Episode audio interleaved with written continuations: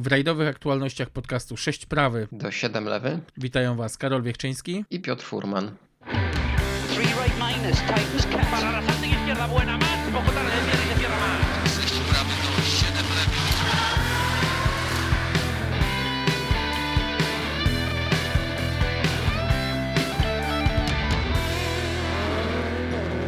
To już chyba czwarty rok zaczyna się naszych spotkań e, z kibicami rajdów samochodowych. E, czas leci nieubłagalnie. Mm, no i mamy właśnie za sobą inaugurację sezonu WRC 2024. I na samym wstępie mamy też już do Was prośbę. Tak, mamy do Was szczególną prośbę, ponieważ każdy z filmów ma liczbę odsłon, która całkowicie przewyższa liczbę naszych subskrybentów. A tak naprawdę walczymy o te subskrypcje, więc jeżeli nas jeszcze nie subskrybujecie, oglądacie nas na YouTubie, słuchacie nas na Spotify'u, e, proszę, dajcie jakiś ślad po tym, że nas lubicie, że nas cenicie, że e, szanujecie też naszą pracę. Mm, I nie chodzi mi tutaj o danie łapki w górę, tylko po prostu nas zas zasubskrybujcie, bo dla nas to w tym momencie najwięcej znaczy.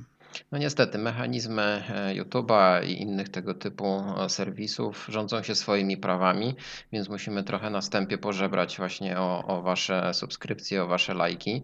To na pewno będzie podnosiło nam zasięgi, no i będziemy bardziej słyszalni, mówiąc e, najprościej. Też chcemy się rozwijać jako podcast, a niestety te zasięgi są nam do tego potrzebne.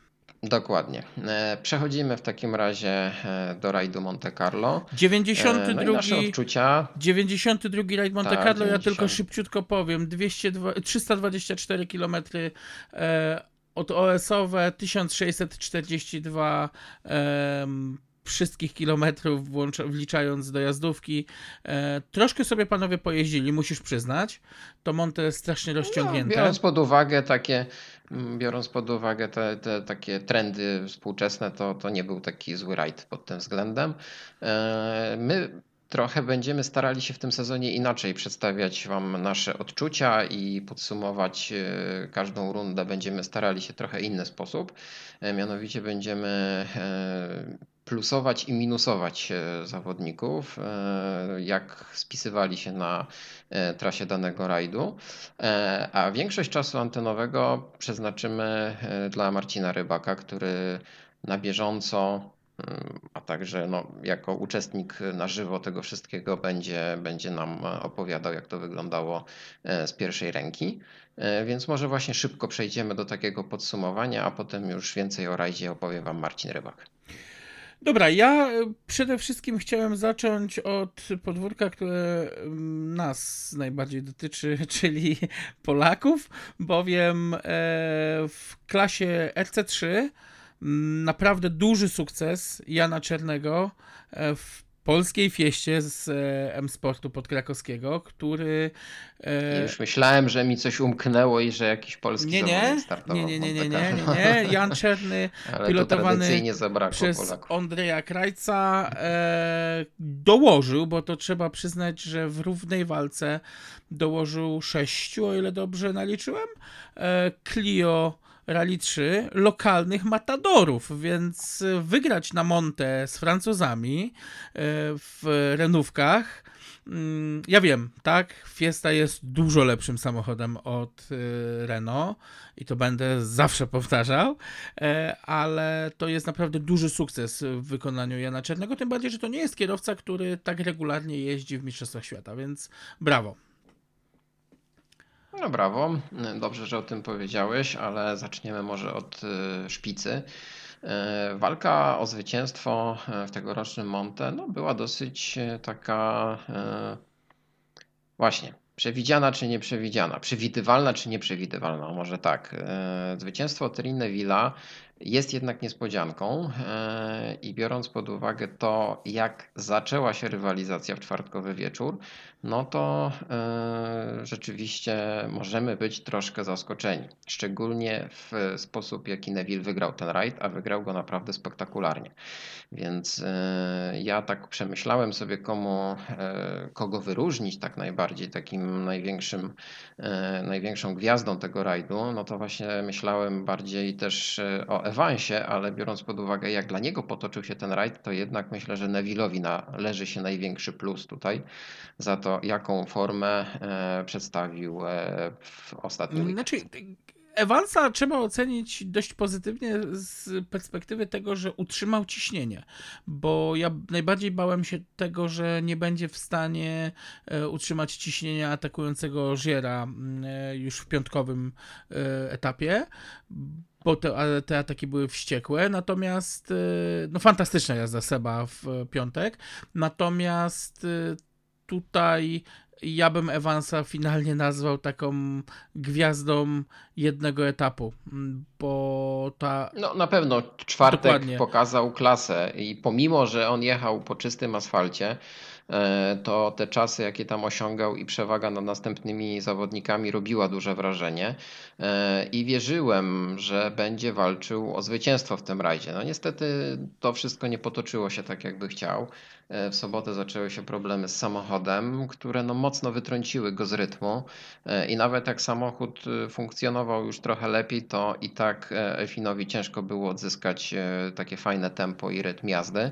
No i skończyło się trzecim miejscem, więc też myślę, że należy mu się tutaj plus, e, całkiem duży plus i chyba to dobrze rokuje na nadchodzący sezon. Jestem troszeczkę zaskoczony nie, nie, powiem rozczarowany, ale zaskoczony formą Seba, że jednak nie był w stanie podjąć rękawicy i takiej nawiązać wymiany ciosów z Tierim.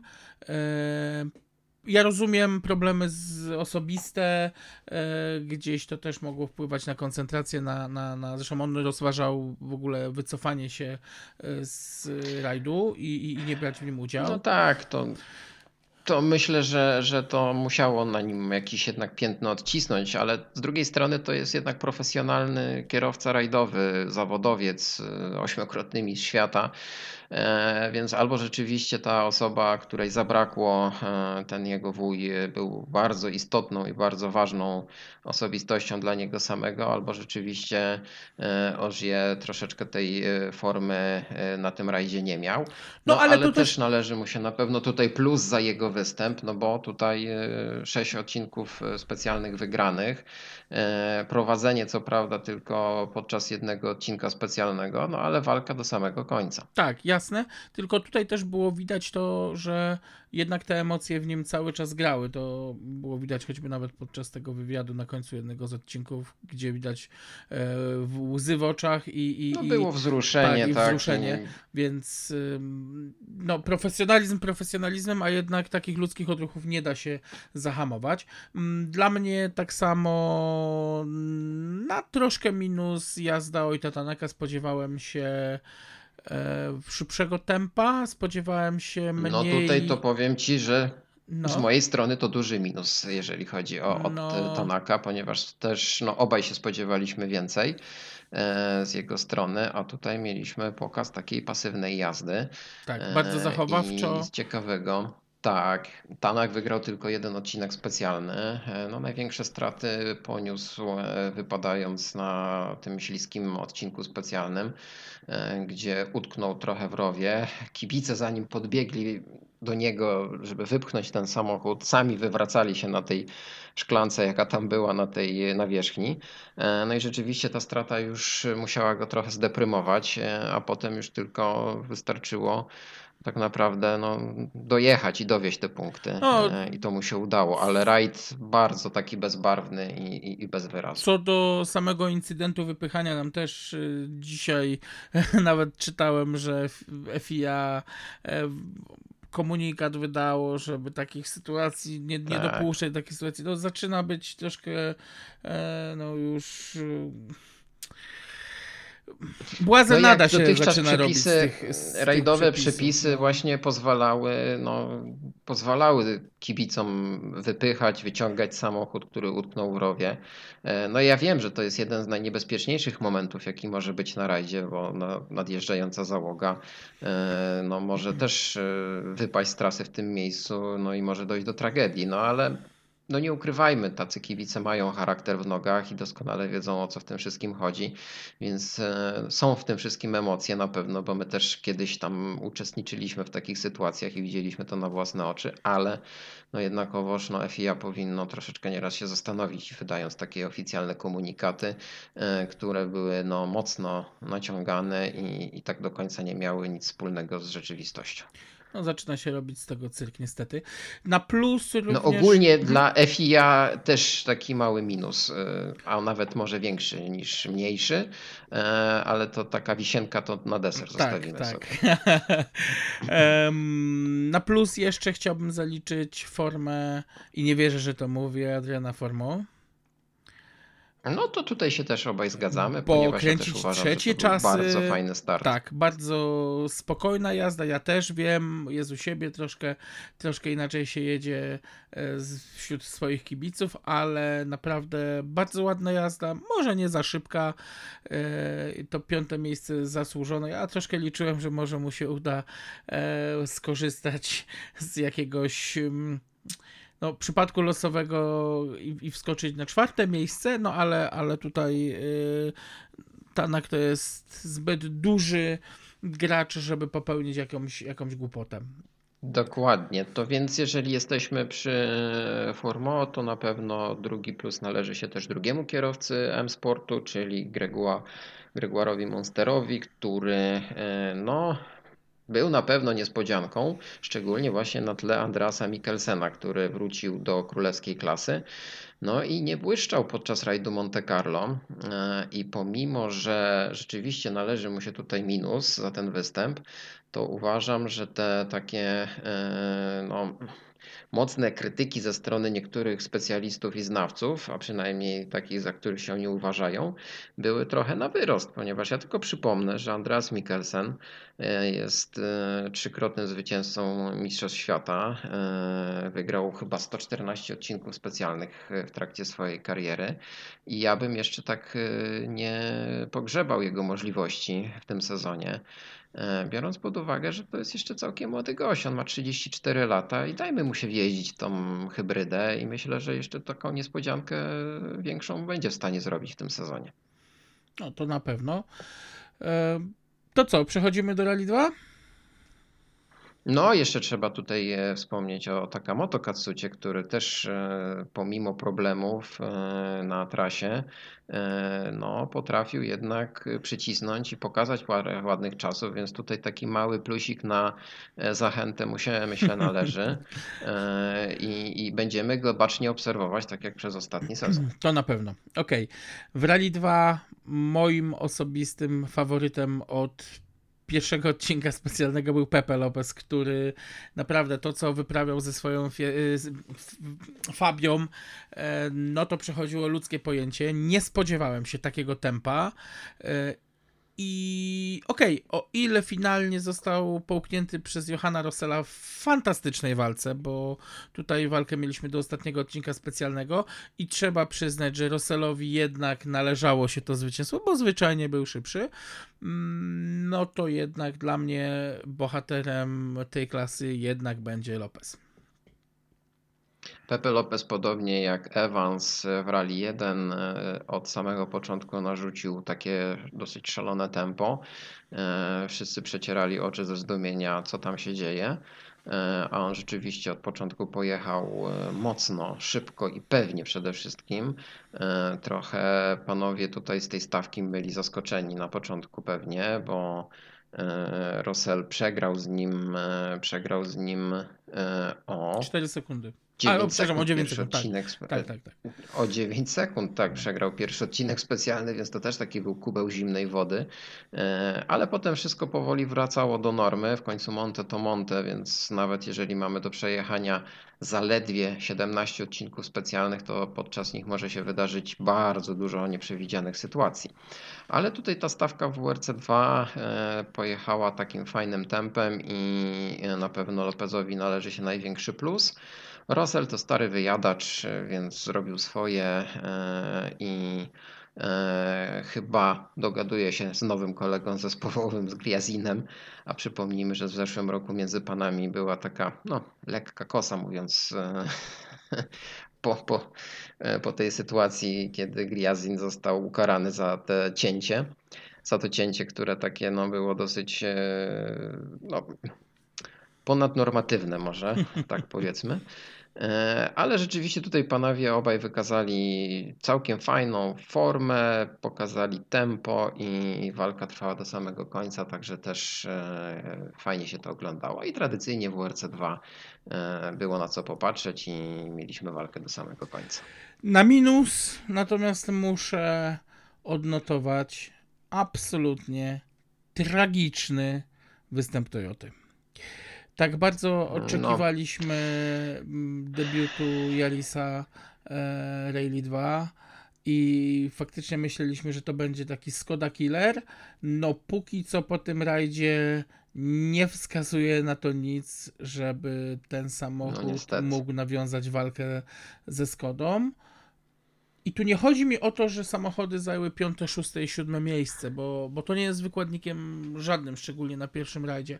Chodzi mi o to, że piąty, czyli najszybszy ze stawki Yarisów, Sami Pajari, e, pilotowany przez Eni Malkonen, zaliczył stratę 4 minut 46 sekund do zwycięzcy. To jest przepaść, to jest knockout i przyznam, że gdybym był inżynierem budującym ten samochód y, wsadziłbym głowę w piasek, bo tutaj no, wyszło to tragicznie.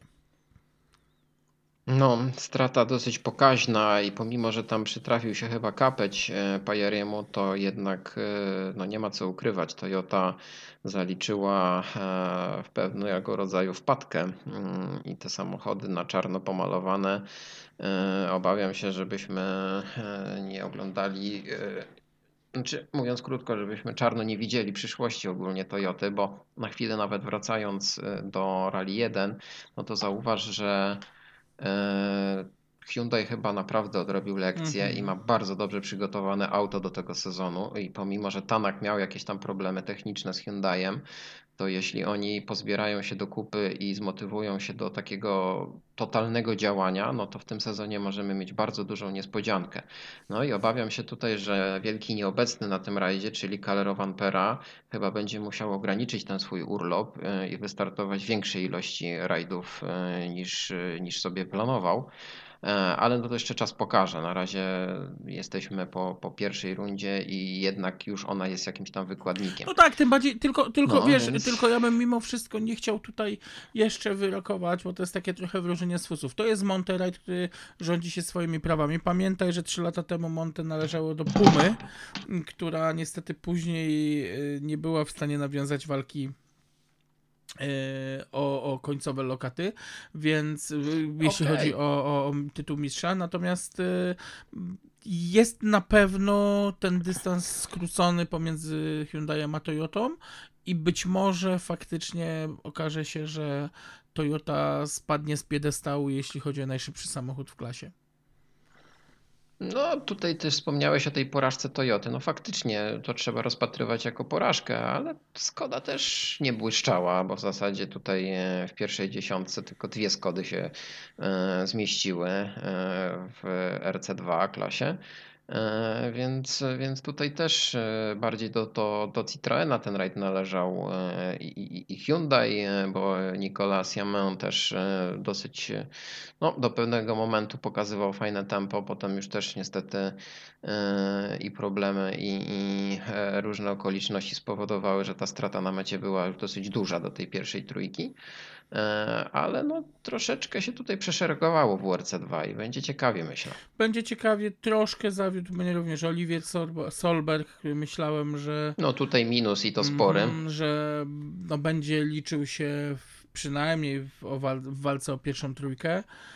No niestety tam też duża strata, bo 3, ponad 3 minuty kary, więc yy, ok, ale, ale samo tempo Oliwiera pozostawia wiele do życzenia, po, przynajmniej na tym rajdzie. Tak, tutaj Tak, tutaj to minus na pewno. E, no i też taki mały minus e, wypadałoby przyznać Brianowi Buffie, który no, wrócił na rajdowe trasy po dłuższej przerwie, ale już na samym początku wypadł z trasy, zaliczył bardzo dużą stratę i pomimo, że wrócił, no to jednak no, na pewno ten rajd nie należał do udanych, a przypomnijmy, że przecież e, swego czasu walczył nawet o zwycięstwo w tym rajdzie, więc mhm. tutaj troszeczkę się zawiedliśmy. No ale no, nie oczekujmy od e, zawodnika, który no, najlepszą część kariery ma już za sobą, że, że będzie walczył tutaj z najlepszymi. Brian to też jest dla mnie troszkę taka zmarnowana szansa, bo to jest kierowca z niesamowitym, to był kierowca z niesamowitym potencjałem i odnoszę wrażenie, że tu chyba po prostu zabrakło pieniędzy gdzieś na rozwój tej kariery, na, na to, żeby wsiadł w mocniejszy samochód i, i ścigał się w troszkę innej klasie niż w Mistrzostwach Polski. No nam za to dostarczył no niesamowicie dużo widowiska, za co jesteśmy mu niesamowicie wdzięczni. Pokazał, no, że przejdą do historii, tak, że nie trzeba jeździć, że nie trzeba jeździć po nocach po trasach odcinków specjalnych i uczyć się każdych każdego kamienia i kępki trawy na pamięć. E, żeby I można wygrać, wygrać nawet Mistrzostwa Polski lancerem. Tak. E, wystarczy mieć tylko odpowiedniego tunera w urzędowie i, i, i można czynić cuda. O tym kiedyś też myślę, że Wam opowiemy e, ze szczegółami. Ale wracając jeszcze do Monte Carlo i do samego Briana Buffie, a raczej jego samochodu, mieliśmy o tym nie mówić w zasadzie, bo o czymś tu mówić, tak? Ale cała ta sytuacja, która miała miejsce w czwartek, chyba w czwartek, jak dobrze pamiętam, z tymi pseudokibicami, e, którzy dostali się jakimś cudem do parku e, zamkniętego i uruchomili samochód dla zabawy Toyota Briana Buffie, no to jest jakiś w ogóle totalny absurd. Ja nie rozumiem, bo owszem, jestem w stanie zrozumieć, że nawaleni polscy kibice są w stanie zrobić wszystko i są zdolni do wszystkiego, to jednak nie jestem w stanie pojąć, jak organizator w ogóle mógł dopuścić do takiej sytuacji.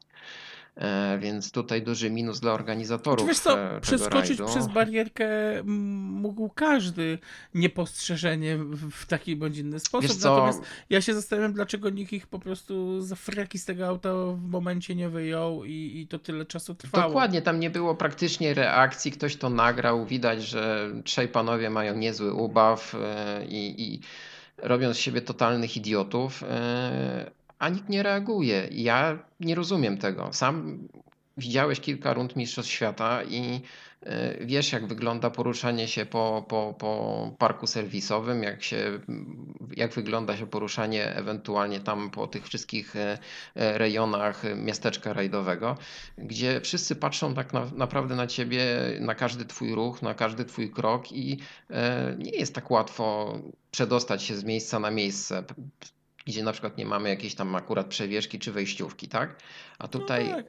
trzech będzwałów wchodzi do parku zamkniętego i uruchamia samochód rajdowy. To na szczęście i tak się skończyło, tak jak się skończyło, e, ale miejmy nadzieję, że jakieś e, konsekwencje zostaną wyciągnięte. Wiesz co, ale z drugiej strony ja sobie teraz y, odpowiedziałem na jedno pytanie, bowiem w 2016 roku jechałem RAC w autem historycznym e, już po pełnej stawce. Jechaliśmy pokazowo mm, kilkoma samochodami historycznymi i e, wjeżdżając do parku zamkniętego, organizator poprosił nas o wyciągnięcie z samochodu wszystkich cennych przedmiotów, żeby nie zostawić w aucie e, jakichś, jakichś cennych rzeczy, więc powiedzmy, że to jest temat chyba szerzej znany e, na całym świecie i, i, i wtedy mnie to zaskoczyło.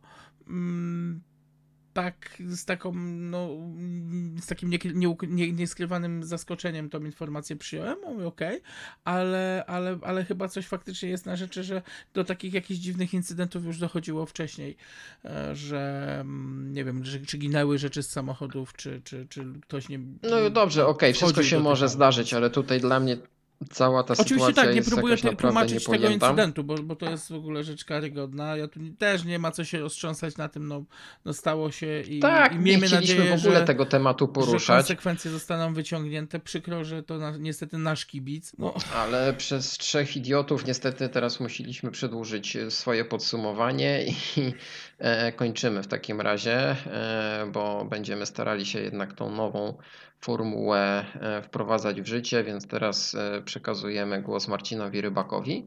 E, a Was jeszcze raz serdecznie prosimy o lajkowanie i subskrybowanie naszego kanału na YouTubie i zapraszamy Was na kolejny odcinek podcastu 6 prawy do 7 lewe. Do usłyszenia. Do usłyszenia.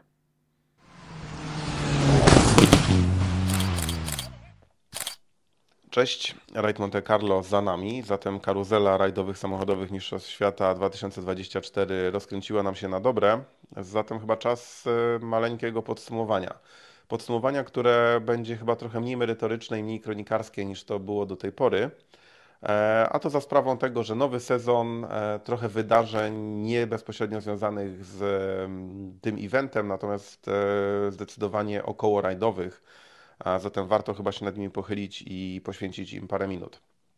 Mm, ja oprócz e, masy doświadczeń, wspomnień i przeżyć z tegorocznego rajdu przywlokłem jakieś przeziębienie, w związku z czym przepraszam Was trochę za swoją fonię, ale no jest jak jest. Przeziębienie, które chyba było wynikiem tego, że mieliśmy wyjątkowo wiosenną, bo nawet nie można powiedzieć, że przyjazną, po prostu zwyczajnie wiosenną aurę.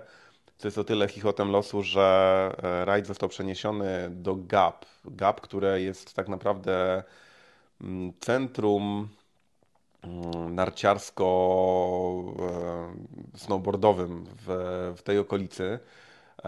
Otoczone kurortami zarówno Devuli, jak e, Chaliol, jak Ansel, przez który biegnie jeden z odcinków E, zdecydowanie miejsce, które powinno oferować nam zimowe warunki, no tym razem e, zaoferowało nam coś wręcz przeciwnego, ponieważ e, właściwie schodząc, wychodząc z parku serwisowego, udając się na odcinek testowy, szedłem sobie w t-shircie. Temperaturę mieliśmy 17 stopni, co pokazywał jeden z termometrów na centrum handlowym, więc mówmy się, że absolutnie no, nie zimowe warunki. No ale jednak trochę uśpiło to naszą czujność. E, poranki zdecydowanie poniżej zera, zwłaszcza gdzieś wyżej w górach. No i chwila nieuwagi i wróciłem z gilem, także no, pamiątka, pamiątka na chwilę dłużej z rajdu. Dobra, ale wróćmy do rzeczy ważnych i ważniejszych. Mm, przede wszystkim, e, jeśli chodzi o samą aurę, e, spowodowała to, że właściwie nie mieliśmy możliwości obserwowania tej słynnej e, oponiarskiej ruletki. Słynnej e, dlatego, że tylko na tym rajdzie mamy dostępność takiego przekroju opon. Oczywiście minęły dawno czasy, gdzie było 30 mieszanek e, jednego typu opony. Teraz mamy do dyspozycji super miękki i miękki slick. Mamy oponę zimową mm, i zimową z kolcami czyli tą słynną oponę Monte Carlo z e, jednym bądź dwoma rzędami e, wąskich kolców. Znaczy z wąskimi rzędami kolców, żeby być, e, żeby być precyzyjnym. No tym razem właściwie użycie tych opon było marginalne, ponieważ no, nie, nie było takiego odcinka, na którym można było zdecydowanie nadrobić używając jednego bądź drugiego rodzaju ogumienia. E, I szkoda, i szkoda, bo to zawsze było takim, takim fajnym smaczkiem tego rajdu. Zawsze było ciekawie zobaczyć, jak kto sobie radzi. E, to słynne zakładanie opon na krzyż, czyli mm, naroż... Y, przeciwległe narożniki, e, opona z kolcem, tu gdzieś jakieś śniegowe. No, była, to, była to rzecz naprawdę wyjątkowa i rzecz, którą się super fajnie śledziło jeżeli ktoś oczywiście jest na tyle pasjonatem, żeby sobie mm, zawracać głowę takimi rzeczami. Niemniej jednak e, w sumie chyba tylko sobotni poranek e, dał możliwość e, na pierwszym OS-ie takiego ewidentnego użycia i wykorzystania przewagi tej opony typu Monte Carlo, ponieważ było ewidentnie zimno, wystawa północna, praktycznie połowy odcinka w związku z czym wilgoć od jeziora, która, mm, która tam osiada w ciągu nocy, spowodowała takie zaszronienie tej drogi, ale e, nawet idąc e, grubo przed świtem po tej drodze, to nie był lód, to, była, to był taki szron, takie nie wiadomo co, więc część zawodników pojechała na oponie Monte Carlo, część pojechała na zimówce. E, łatwo to rozpoznać po tym słynnym kółeczku przekreślonym bądź nie na tylnej klapie rajdówek. No i cóż, no, mieliśmy rajd niewiarygodnie szybki, bo dzięki temu, że mm, dzięki temu, że była e, taka, nie inna aura, odcinki właściwie były w całości czarne, w większości suche, e, lekko zabłocone w miejscach, które, które, które były cięte, które były gdzieś w, w jakichś węższych partiach. Natomiast e, również ta aura, również to, że właściwie cały rajd przebiegał po czarnym, uśpiło trochę e, czujność i załóg szpiegowskich, i samych zawodników, bo właśnie na rzeczonym odcinku Ansel, e, rozgrywanym w piątek rano, mieliśmy niecodzienną sytuację, gdzie na dosłownie, bo przejechałem ten odcinek pomiędzy szpiegami a e, zawodnikami, mm, znalazła się jedna, właściwie taka przedłużona, jedna mm, dwuelementowa e, pułapka lodowa, która okazała się nie do przejechania dla kilku zawodników i to naprawdę świetnych zawodników.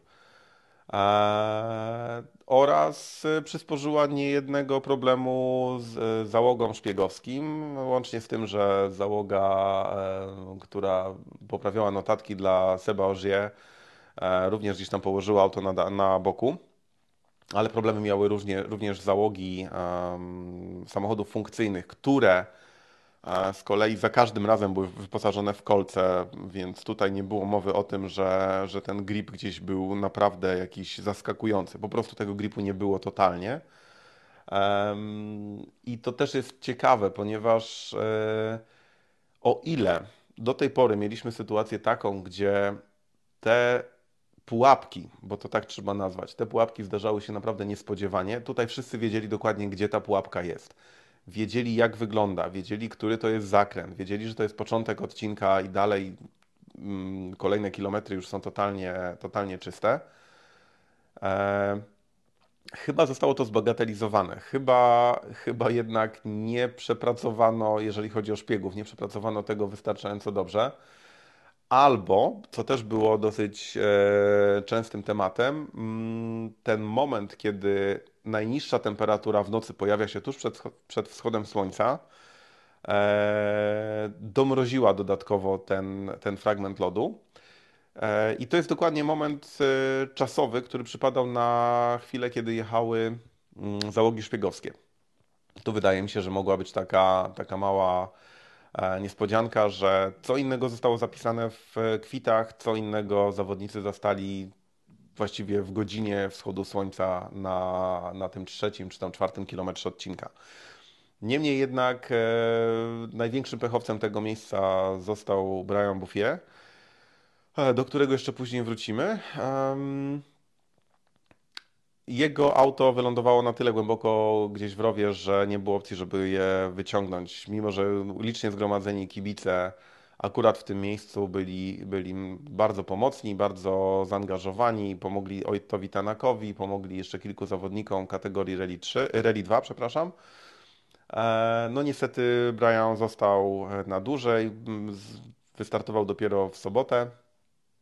Niemniej jednak e, to był taki jedyny moment, w którym można było poczuć tę wyjątkowość Monte Carlo, czyli te, te pułapki lodowe, ta zmienność nawierzchni, i, I właściwie to, że nie jest się na to przygotowanym i tylko wymaga to gigantycznej wręcz finezji w prowadzeniu samochodu, bo widzieliśmy to na filmikach, że właściwie każdy zawodnik tam miał jakieś problemy i próbował w różny, czasami bardzo spektakularny sposób pojechać dalej.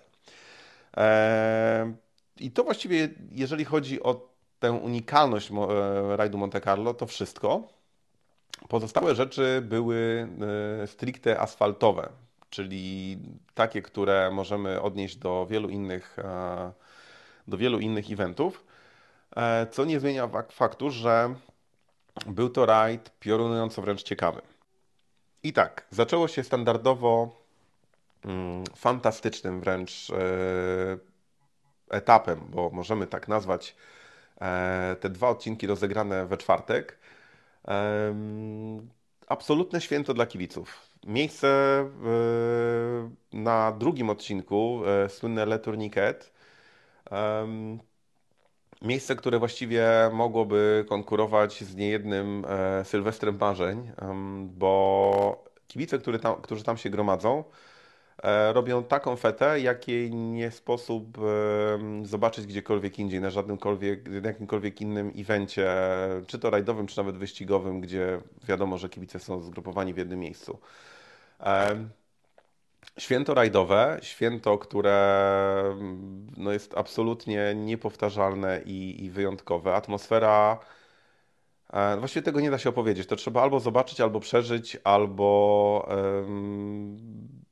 no, wydaje mi się, że jeżeli ktoś byłby w stanie to opowiedzieć, e, to zasługiwałby na, jak, na jakąś wysoką nagrodę mm, e, literacką, ponieważ nie da się opowiedzieć, jak smakuje dym, jak, e, jak wyglądają tysiące, czy nawet dziesiątki tysięcy odpalonych fajerwerków, jak wygląda kilkaset rozpalonych ognisk, jak, e, jakiego typu piosenki śpiewają wszystkie nacje tam zgromadzone. Jest to coś absolutnie wyjątkowego.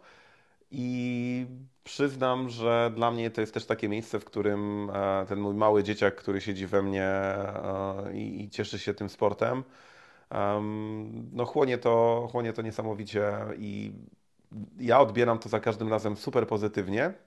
Chociaż niestety w tym roku zdarzyła się sytuacja, która nie powinna mieć miejsca. E, przez ilość ludzi, przez e, ten rozentuzjazmowany mm, tłum przemknęła jakaś durna kompletnie myśl, żeby postrzelać do siebie z fajerwerków i to niestety skończyło się tym, że w którymś momencie odrobinę te fajerwerki wymknęły się spod kontroli, gdzieś zapaliła się trawa i niestety ostatnie dwadzieścia kilka załóg e, zostało skierowanych na trasę mm, alternatywną. Został wysłany samochód e, strażacki, żeby ugasić ten pożar. Paliło się dosłownie kilkadziesiąt metrów kwadratowych e, suchej trawy. Nie zagrażało to za bardzo nikomu.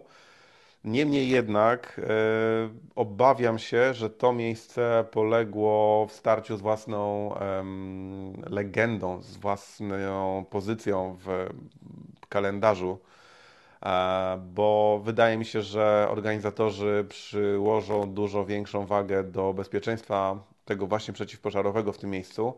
I może się okazać, że te słynne fajerwerki w, w czasie nocnej, e, nocnej przeprawy zawodników przez, e, przez te rejony, przez ten OS, że te fajerwerki zostaną zabronione albo zostaną bardzo mocno ograniczone. Nie wiem, bo obawiam się, że tak właśnie zakończy się ten incydent, który miał miejsce w tym roku. Ewentualnie znowu na kilka lat e, tego odcinka w kalendarzu mieć nie będziemy, co byłoby niewiarygodną stratą, no ale, ale zdarza się. Także no też taka moja mała uwaga do wszystkich, jeżeli e, jeżeli dochodzi do sytuacji, bo wiem, że będziemy, będziemy mieli w tym roku jeszcze kilka okazji do tego, żeby świętować. Zakładam, że, że Rajd Polski będzie też takim miejscem, w którym wielu kibiców e, dojdzie do wniosku, że fajnie jest się pobawić jakimiś, e, jakimiś fajerwerkami. Słuchajcie, taki banał, to kosztuje 20 zł na stacji benzynowej, ale miejcie przy sobie koc gaśniczy, ewentualnie wyciągnijcie gaśnicę z samochodu, żeby ona była gdzieś w pobliżu, czy to grill, czy to fajerwerki no może być bardzo nieciekawie. Wyglądało to dużo gorzej niż tak naprawdę, niż tak naprawdę się skończyło. E, natomiast wiecie, no, oglądanie tego, jak ludzie w popłochu przestawiają samochody i zawijają swoje prywatne rzeczy, bo zaczyna się palić trawa wokół nich, e, no nie wygląda to ciekawie i no, warto byłoby tego unikać. Także taka moja mała dygresja.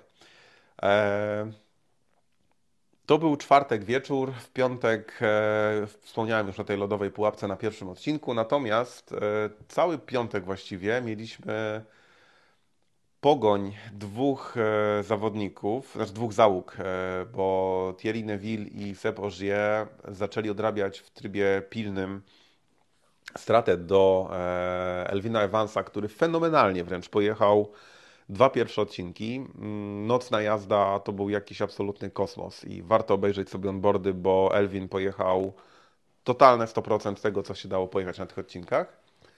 Natomiast od piątkowego poranku e, właśnie Belg i Francuz doszli do głosu i zaczęli e, podgryzać Elwina, zaczęli e, konsumować tę jego przewagę.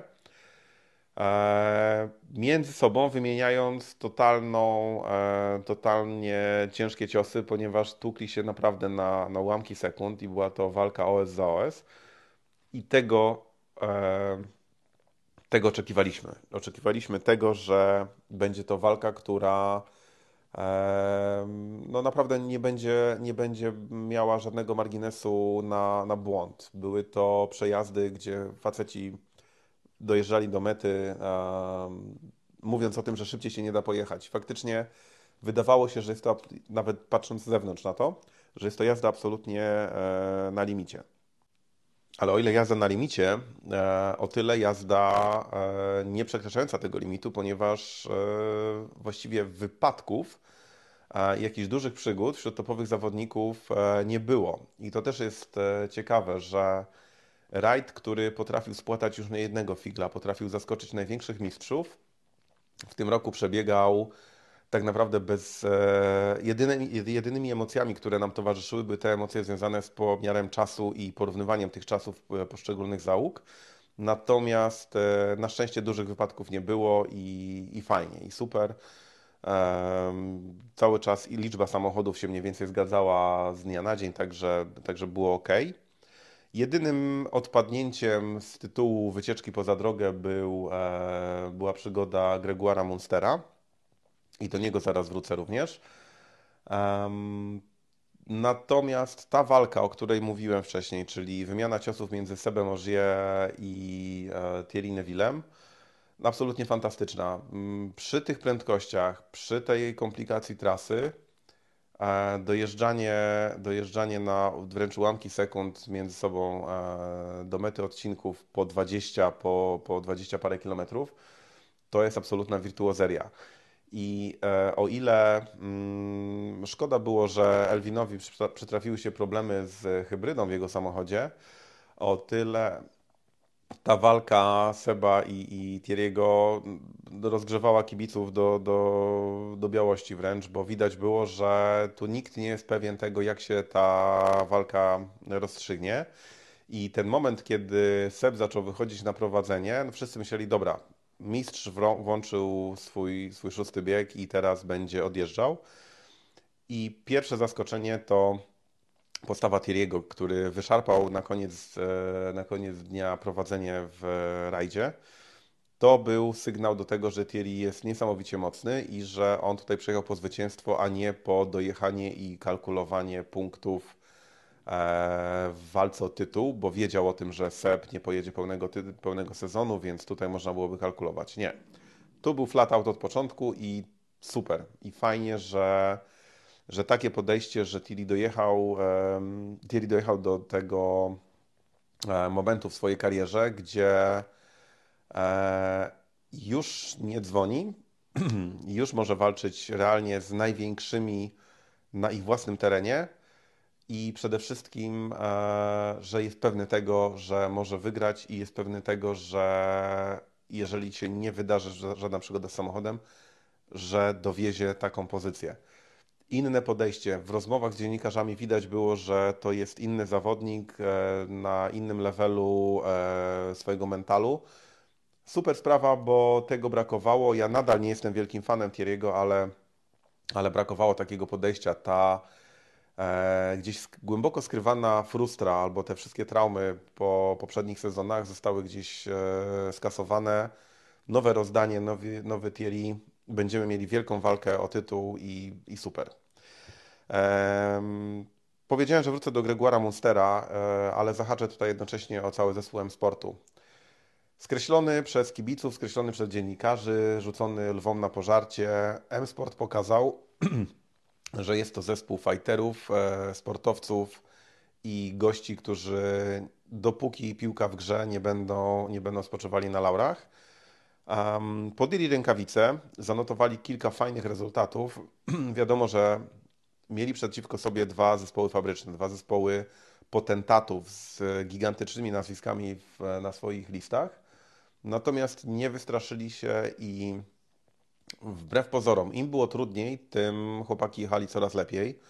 E, wyniki na podium odcinkowym, no to jest coś, co zdecydowanie, za co zdecydowanie należą się brawa, bo no w kuluarach się nie liczyło na to, chociaż ja po cichu tak, bo, bo uważam, że auto skonstruowane przez zespół Malcolma Wilsona jest, e, jest godne tego, żeby wygrywać, na pewno ma papiery na to, żeby, mm, żeby dojeżdżać bardzo wysoko.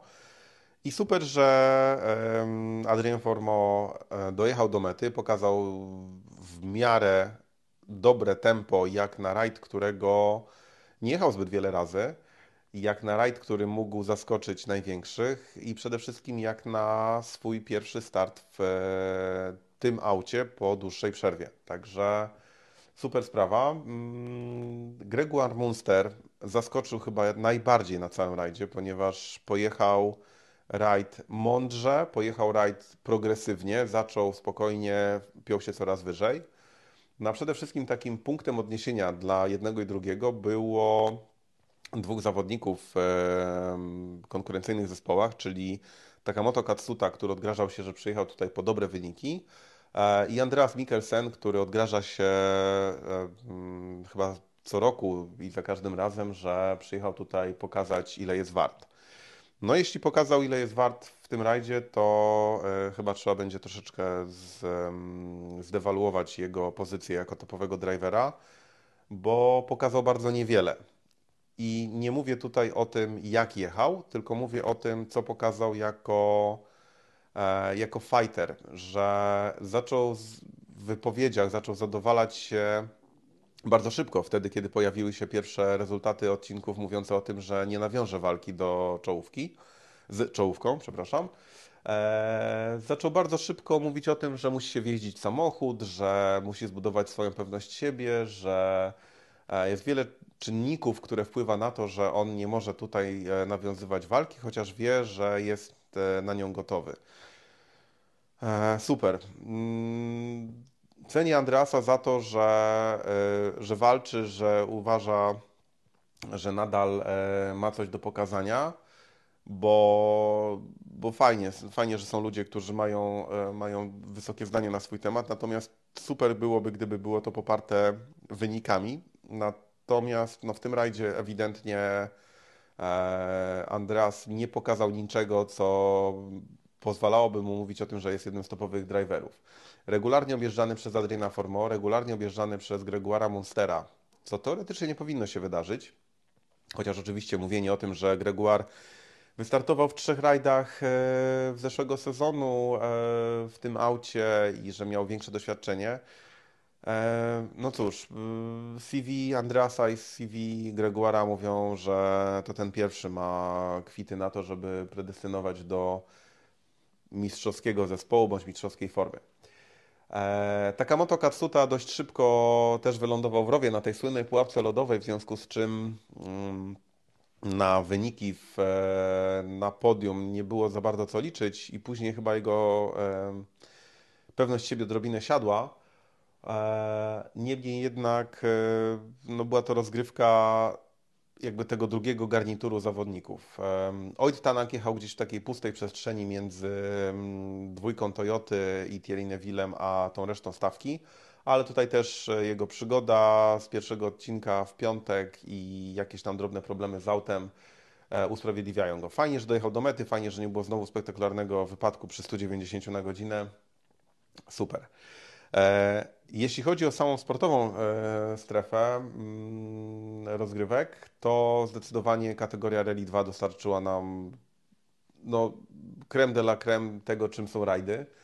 Walka absolu absolutnie do samego końca, walka do ostatnich metrów Power Stage'a.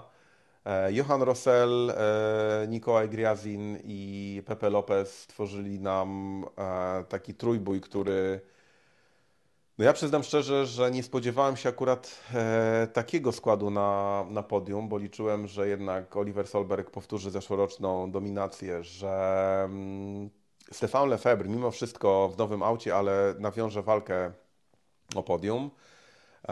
Zresztą w ogóle Toyota odrobinę odrobinę zawiodła chyba, jeśli chodzi o pozycję, bo na pewno nie o to, jak to, jak to auto wygląda, jak ono jedzie, e, ale pozycje na, mm, na koniec rajdu chyba odrobinę niższe niż, e, niż mogliśmy przypuszczać.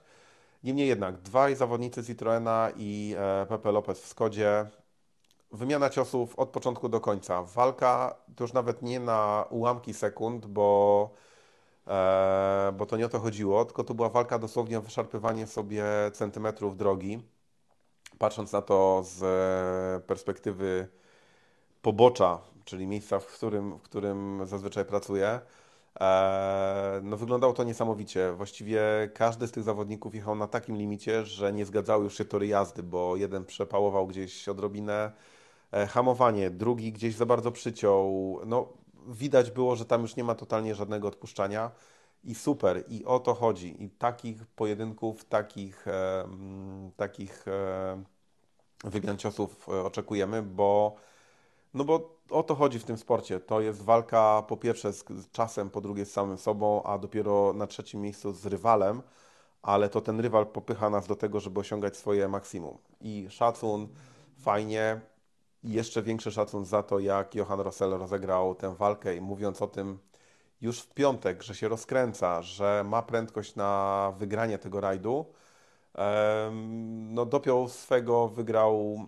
kategorię, wygrał jeszcze dodatkowo Power Stage, e, absolutna petarda, ale Pepe Lopez jadąc na rajdzie, jadąc w rajdzie w, w samochodzie, którego, e, który też jest w, jakiej, w jakiejś formie dla niego nowy, pokazał, że wygrana największej liczby OS-ów to nie jest e, przypadek. To jest naprawdę gość, który będzie się liczył w walce o tytuł na pewno w Challengerze, a kto wie, czy nie w WRC 2.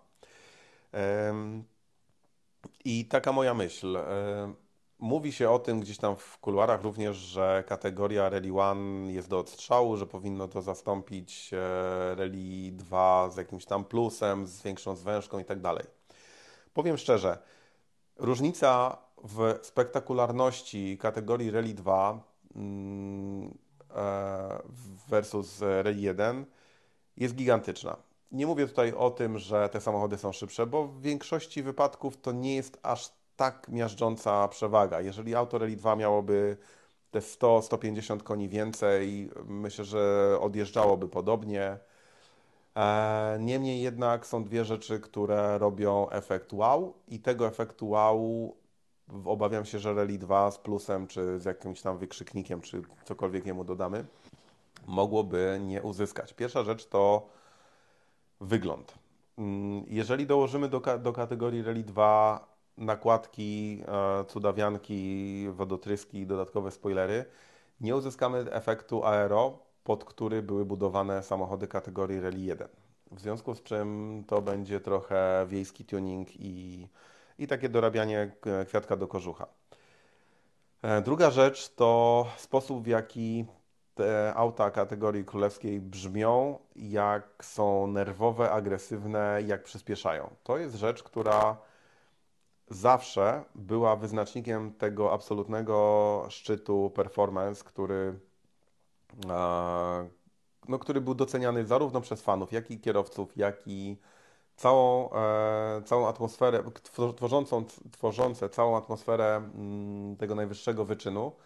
Pamiętam przesiadkę z aut klasy Class 1 w DTM-ie na kategorię GT3. Te auta okazały się niewiele wolniejsze od, od Class 1, ale to jest zupełnie inna bajka, to jest zupełnie inne aero, zupełnie inna konstrukcja samochodów, zupełnie inna filozofia ścigania się tymi samochodami.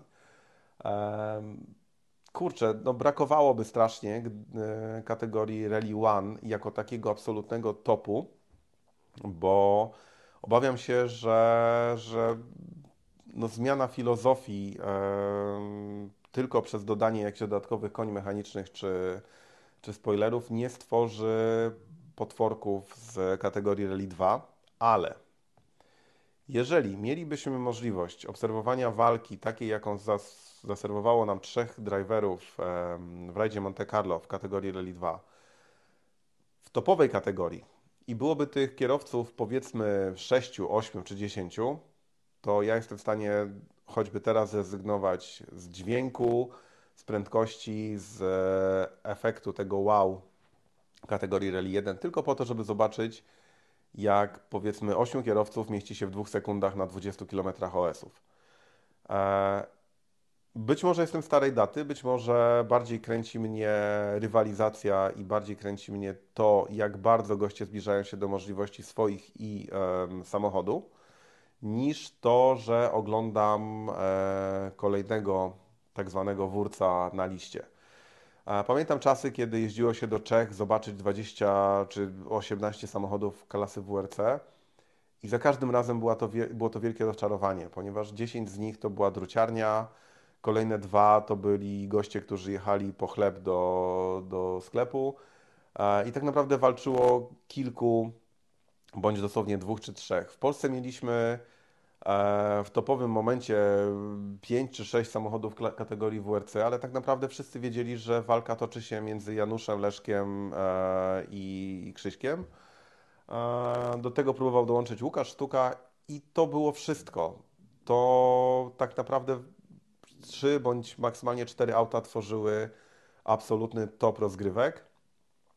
I jesteśmy dokładnie w tym samym momencie, jeśli chodzi o, o kategorię Rally One co z tego, że tych samochodów jest 7 czy 8, jeżeli tak naprawdę zawodnicy, którzy predestynują e, do walki o tytuły mistrzowskie, nawet teraz, ale na pewno w niedalekiej przyszłości, e, dysponują samochodami na tyle gorszymi, że przesiadka do kategorii Rally One będzie kosztowała ich co najmniej rok bądź dwa nauki tego samochodu, zanim faktycznie zaczną rywalizować z najlepszymi.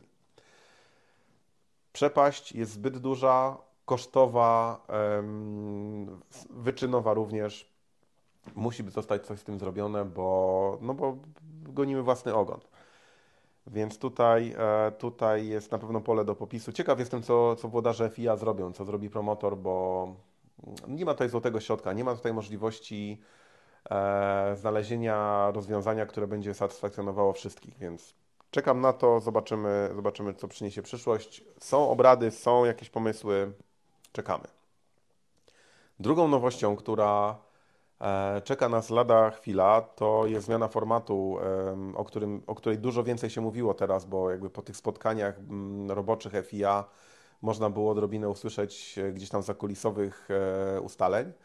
Zmiana formatu rajdu WRC, skompresowanie go do trzech dni. Mamy pierwszą informację na temat tego, jeśli chodzi E, o to, jak będzie to wyglądało w praniu. Rajd Sardynii zacznie się w piątek rano, skończy w niedzielę wczesnym popołudniem. Nie obetnie to zbyt wielu kilometrów OS-owych, natomiast zagęści samą rywalizację. Wylatuje nam z harmonogramu czwartek, mamy odcinek testowy w piątek. E, z punktu widzenia kosztów osoby, która ma ten rajd obejrzeć, jest to jakiś, jakiś bonus, bo tak naprawdę możemy przylecieć na jeden dzień mniej, a z drugiej strony lecąc w jakieś odległe zakątki świata, fajnie jest mieć chwilę dłużej, żeby ten zakątek świata poznać. Więc nie wiem, czy dla kibica będzie to zdecydowanie tańsze rozwiązanie. Oczywiście wiadomo, że jeżeli ktoś jedzie na kołach i musi zaraz szybko wracać po evencie i jest to kosztem urlopu, super fajnie. Jeśli chodzi o e, obcięcie kosztów dla zespołów fabrycznych, na pewno na papierze ma to, ma to sens. Na pewno daje to możliwość zaoszczędzenia takiej bądź innej e, kwoty pieniędzy. Natomiast jeśli chodzi o sam cyrk WRC, który boryka się z problemami, moim zdaniem dużo więcej zaoszczędzilibyśmy, gdyby nie występowało ileś dziesiąt samochodów funkcyjnych na trasie, żebyśmy nie mieli 15 przedstawicieli FIA od dowolnej e, branży, od dowolnej sfery, którą się zajmują. Gdyby na parkingu przed biurem prasowym czy biurem rajdu nie stało 30 samochodów, które tylko i wyłącznie stoją trakcie trwania rajdu, ponieważ delegat od tego czy owego ma 20 metrów do biura, 30 metrów na serwis i tym samochodem buja się tylko do hotelu. Hotelu, który znowu jest pięciogwiazdkowy. E, znowu jest to totalny high life. Białe kołnierzyki niestety w tym sporcie mordują e, mordują atmosferę, ponieważ odklejają się coraz bardziej. Ja tego nie znoszę od bardzo wielu lat i dla mnie oglądanie tego, że właśnie delegat, który spędza cały dzień w biurze, e, ma do dyspozycji samochód, który parkuje tuż pod drzwiami mm, biura, gdzie ja przyjeżdżając po całym dniu pracy na odcinkach, mam kilkaset metrów do przejścia ze sprzętem tylko dlatego, że nie mam gdzie zaparkować. No jest to mocno nie fair i jest to wypaczanie tego, tej walki o redukcję kosztów e, w imię promocji, w imię, w imię uzdrowienia tego sportu. Dziwna sytuacja. E, trochę tego nie rozumiem, nie rozumiem, no ale widać ten szczegółowy nad tym siedzą.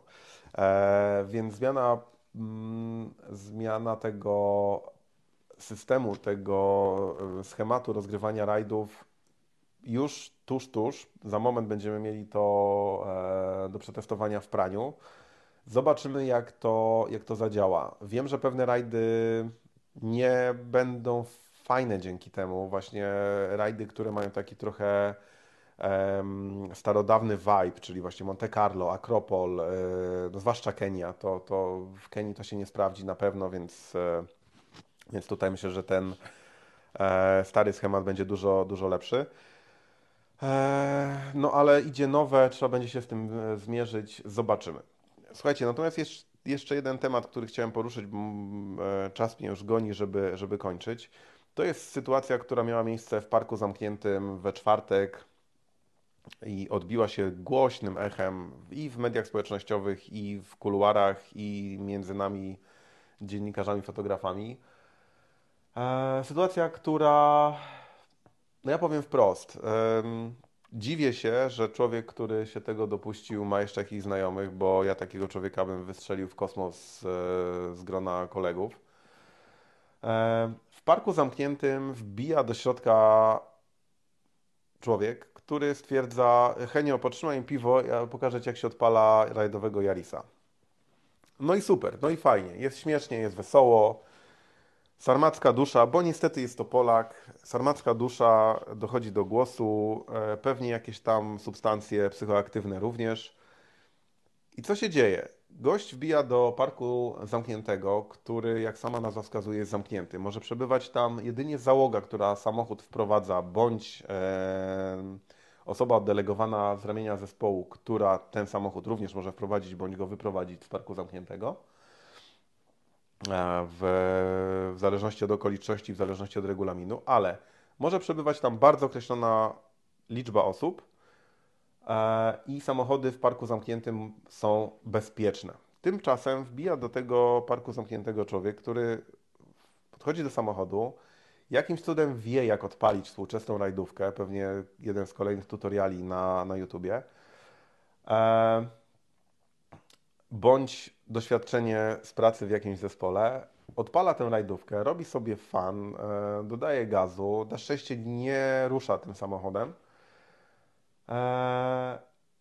i daje uciechę sobie, swoim kolegom, e, osobom, które oglądają później nagrany filmik e, z tego zdarzenia no i co? No i w świat idzie informacja, że jakiś osiołek z Polski, bo szybko jest to zweryfikowane, bluza lotosu, polskie jakieś tam słowa w tle.